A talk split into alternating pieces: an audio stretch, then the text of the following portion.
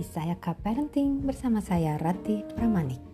Pada episode ini, saya akan memberikan tips untuk menghindari kelelahan yang amat sangat dalam mengasuh dan menemani anak sehari-hari, serta bagaimana mencuri me time agar Anda dapat beristirahat sesaat dari rutinitas parenting. Menjadi orang tua yang baik dan selalu menikmati hari-hari bersama anak tentu merupakan harapan dari kita semua. Namun, kadangkala dengan kondisi rumah tangga yang ada, apalagi di tengah kondisi pandemi COVID-19 ini, ada kalanya kita merasa sangat kelelahan ketika kita menjalani hari bersama anak apalagi mereka yang punya anak kecil usia TK harus sekolah online atau menghentikan anak dari sekolah lalu bingung aktivitas apa yang harus dijalankan bersama anak. Sementara kita pun dituntut dengan berbagai peran lainnya misalnya harus membereskan rumah harus menyelesaikan pekerjaan kantor banyak sekali tuntutannya. Lalu di tengah-tengah itu semua Nanti ketika kita sudah sangat lelah, mengajak anak tidur siang, dia nggak tidur-tidur. Kita sudah sangat lelah, waduh, belum masak, masih harus nyetrika dan sebagainya. Nah, karena kondisi ini kita alami setiap hari, bisa jadi ada satu titik di mana kita sudah sangat lelah, mau ambil me time, susah sekali cari me time. Malah kadang-kadang mandi aja nggak sempat ya. Nah, Sebelum semua itu terjadi, saya akan mengajak Anda menerapkan tips berikut agar Anda bisa tetap happy dan bisa mencuri waktu-waktu di sela kesibukan. Tips yang pertama, ayo terapkan rutinitas. Rutinitas yang saya maksud di sini adalah kegiatan yang dijalankan sehari-hari dengan urutan yang konsisten. Jadi urutannya yang konsisten. Misalnya, dari sejak anak bangun tidur pagi, kegiatannya apa nih? Apakah minum susu, kemudian dilanjutkan e, berjemur, jalan pagi, kemudian pulang ke rumah, mandi, sarapan, main sejenak atau mungkin tidur pagi untuk anak-anak yang masih lebih kecil usia 1-2 tahun. Kemudian jam makan untuk camilan kemudian beraktivitas kemudian makan siang kemudian setelah makan siang apa biasanya? Apakah main kemudian nanti dilanjutkan tidur siang, kemudian dari bangun tidur siang apakah ada camilan sore, kemudian jalan sore, kemudian mandi atau kemudian makan malam, lalu beraktivitas sejenak baru tidur malam. Nah, ini urutan-urutan kegiatan ini biasakanlah lakukan sekonsisten mungkin Kenapa demikian? Karena pada anak-anak balita ini mereka sedang membangun rasa aman terhadap dunia di mana dia berada. Dan mereka sedang mempelajari segala sesuatu yang di sekelilingnya. Jadi, kalau anak kita bisa memprediksi pada apa yang terjadi berikutnya, ia akan merasa nyaman dan aman dia akan menyadari bahwa segala sesuatu di sekelilingnya ini aman karena dia bisa memprediksi. Apalagi di usia 0 sampai 2 tahun ini mereka sangat peka terhadap order atau keteraturan. Tujuannya itu tadi sebenarnya itu adalah momen atau masa di mana anak membangun rasa aman. Contohnya gini, kenapa konsisten dalam menerapkan rutinitas ini menjadi penting karena contohnya Anda ikut suatu kegiatan, misalnya outing atau tour, ah, tapi Anda tidak diberi urutan-urutan kegiatan sehari-hari. Bangun jam berapa, sarapan jam berapa, dan berangkat tur jam berapa seperti itu ya. Anda tentu akan bertanya-tanya kan, ini kita nih nanti dijemput bus jam berapa? Atau pesawatnya jam berapa? Itu kan membuat anda bingung.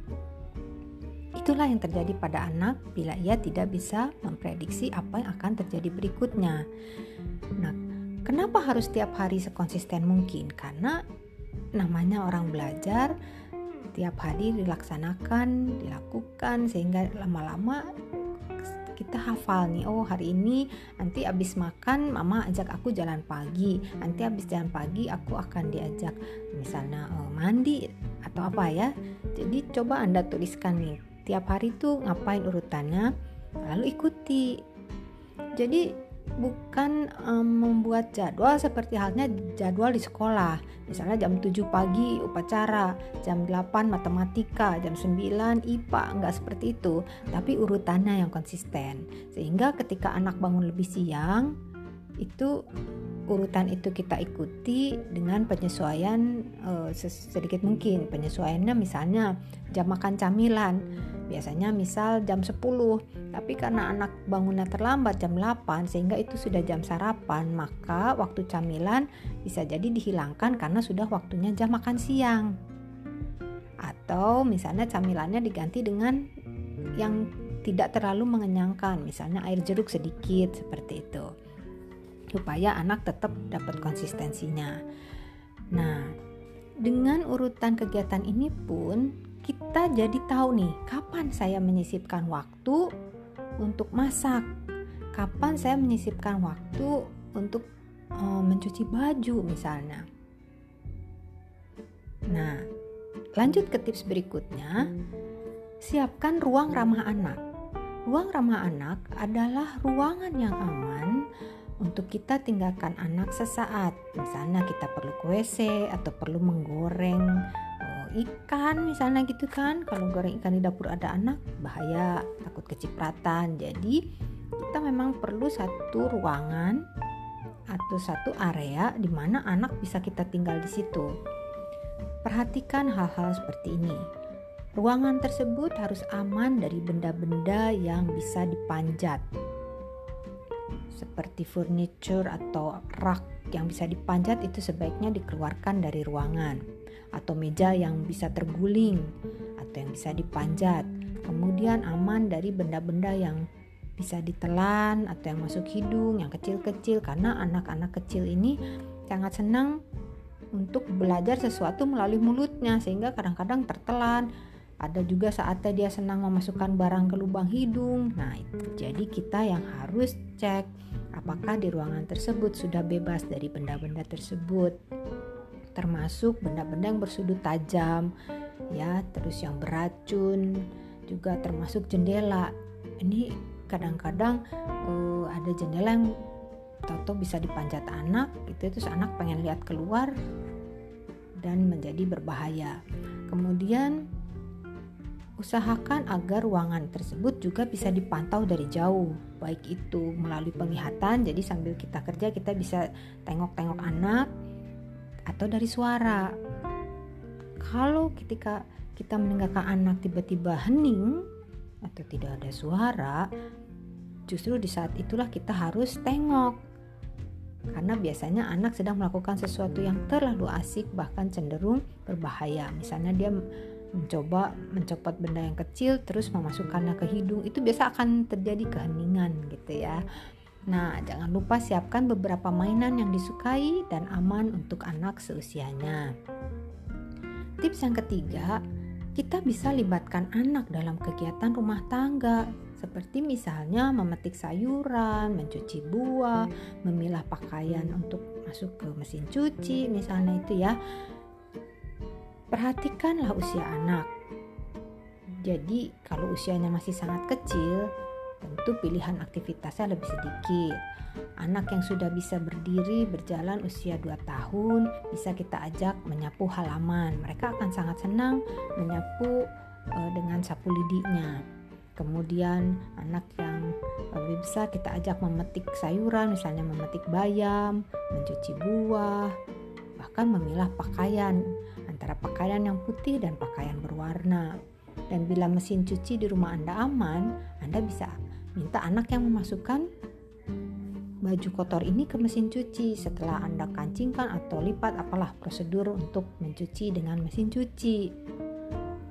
Lalu yang harus Anda lakukan lagi adalah turunkan harapan dan target Anda. Ini kita bicara melibatkan anak yang usianya masih tiga tahun, 4 tahun, 5 tahun, bahkan mungkin satu setengah dua tahun. Jadi jangan jangan berharap bahwa mereka melakukannya dengan terampil. Karena dalam hidupnya baru satu kali itu dia melakukan pekerjaan yang tadi itu. Jadi sangat mungkin berkali-kali membuat salah. Jangan merasa kan kemarin udah saya ajarkan kemarin udah saya contohkan kenapa salah? Tuh kan gak nurut sama mama. Bukan berarti anak-anak ini tidak menurut tapi karena mereka sendiri sedang melatih koordinasi anggota geraknya. Tangannya belum bisa disuruh melakukan hal-hal seperti halnya kita menyuruh tangan kita bekerja. Nah untuk poin ini silahkan nanti anda simak podcast mengenai uh, aktivitas untuk koordinasi uh, otot anak untuk uh, koordinasi uh, anggota gerak anak. Jadi dalam melibatkan anak dalam kegiatan rumah tangga, beri kesempatan kepada dia untuk melakukan kesalahan.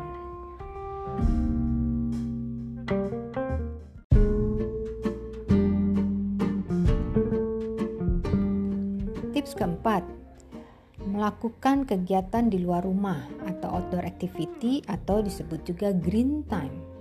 Anak butuh bersentuhan dengan alam karena kita manusia ini juga bagian dari mamalia dan merupakan bagian dari alam.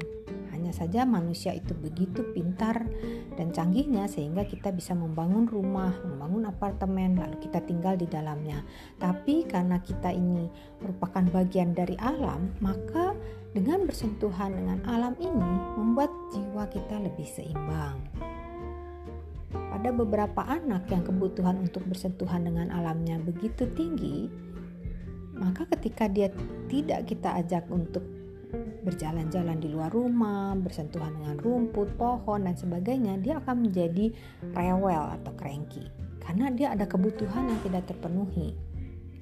Selain itu, manfaat lain mengajak anak melakukan aktivitas outdoor adalah mereka akan mendapat stimulasi pada panca inderanya, Coba lihat, lo coba dengarkan podcast mengenai stimulasi panca inderanya. Sangat-sangat sangat-sangat penting buat anak keluar rumah karena di luar rumah stimulasi akan banyak sekali terhadap kelima panca inderanya. Kemudian kegiatan outdoor ini juga memberikan kesempatan kepada anak untuk bergerak bebas. Kalau di rumah nggak boleh lari, dia akan senang mendapat kesempatan berlari di atas rumput. Anak sangat perlu melatih koordinasi kakinya, sehingga kalau di rumah dilarang lari, dilarang manjat, akhirnya dia juga rewel karena badannya butuh itu. Sama halnya dengan Anda butuh minum, lalu nggak dapat air, rasanya nggak nyaman. Tapi karena kita sudah dewasa, kita bisa mengontrol perilaku kita menjadi tidak rewel, tapi berusaha mencari air minum, mungkin pergi ke toko untuk beli air minum, kalau di rumah nggak ada air sama sekali misalnya. Tapi pada anak-anak ini mereka akan menjadi rewel karena kebutuhannya tidak terpenuhi karena mereka tidak tahu harus bagaimana. Nah tips kelima libatkan pasangan. Untuk tips kelima pembahasannya cukup panjang lebar jadi akan saya upload di podcast yang lain. Tunggu podcast itu. Tips keenam kenali anak ubah paradigma Anda terhadap anak kecil. Karena anak ini berbeda dengan orang dewasa. Anak balita berbeda dengan anak SD. Anak balita berbeda juga dengan anak remaja. Mereka punya kebutuhan yang berbeda. Mereka perlu rasa aman, sehingga kita perlu menciptakan ruangan yang aman, perlu menciptakan rutinitas tadi dan perlu untuk supaya kita nyaman bersama anak. Jangan marah-marah di depan anak karena ketika anak merasa tidak aman, nanti ujung-ujungnya akan ada hambatan di perkembangan. Nah, agar Anda lebih banyak pengetahuan mengenai anak-anak balita ini, ikuti terus saya Kak Parenting Podcast bersama saya Rati Pramanik dan follow Instagram saya Kamardika Abiasa. Sampai jumpa.